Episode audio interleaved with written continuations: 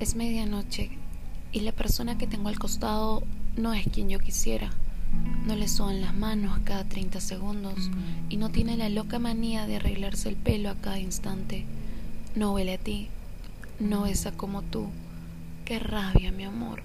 Me da tanta rabia que sea tan bueno, pero no seas tú. Él es muy seguro de sí mismo es inteligente, es atento conmigo, incluso es más guapo y mucho más alto. Pero qué lástima, joder.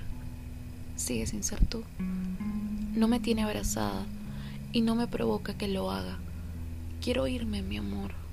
Quiero irme a donde sea que tú estés. Tú y yo nunca hicimos el amor, pero aún así no sabes cuánto ya me siento. Y más ahora que estoy donde no quiero estar, donde no pertenezco, de donde no soy. Mi amor, ¿por qué tuviste que ser tan cobarde? ¿Y por qué mi corazón no lo supera y no lo ve como mi mente sí lo sabe hacer? En fin, tengo que dejar de escribirte. Ya se está despertando. Mierda, me abrazó.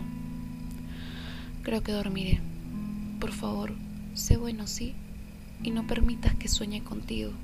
No otra vez, no hoy. Sigue sin ser tú, la luna de Maga.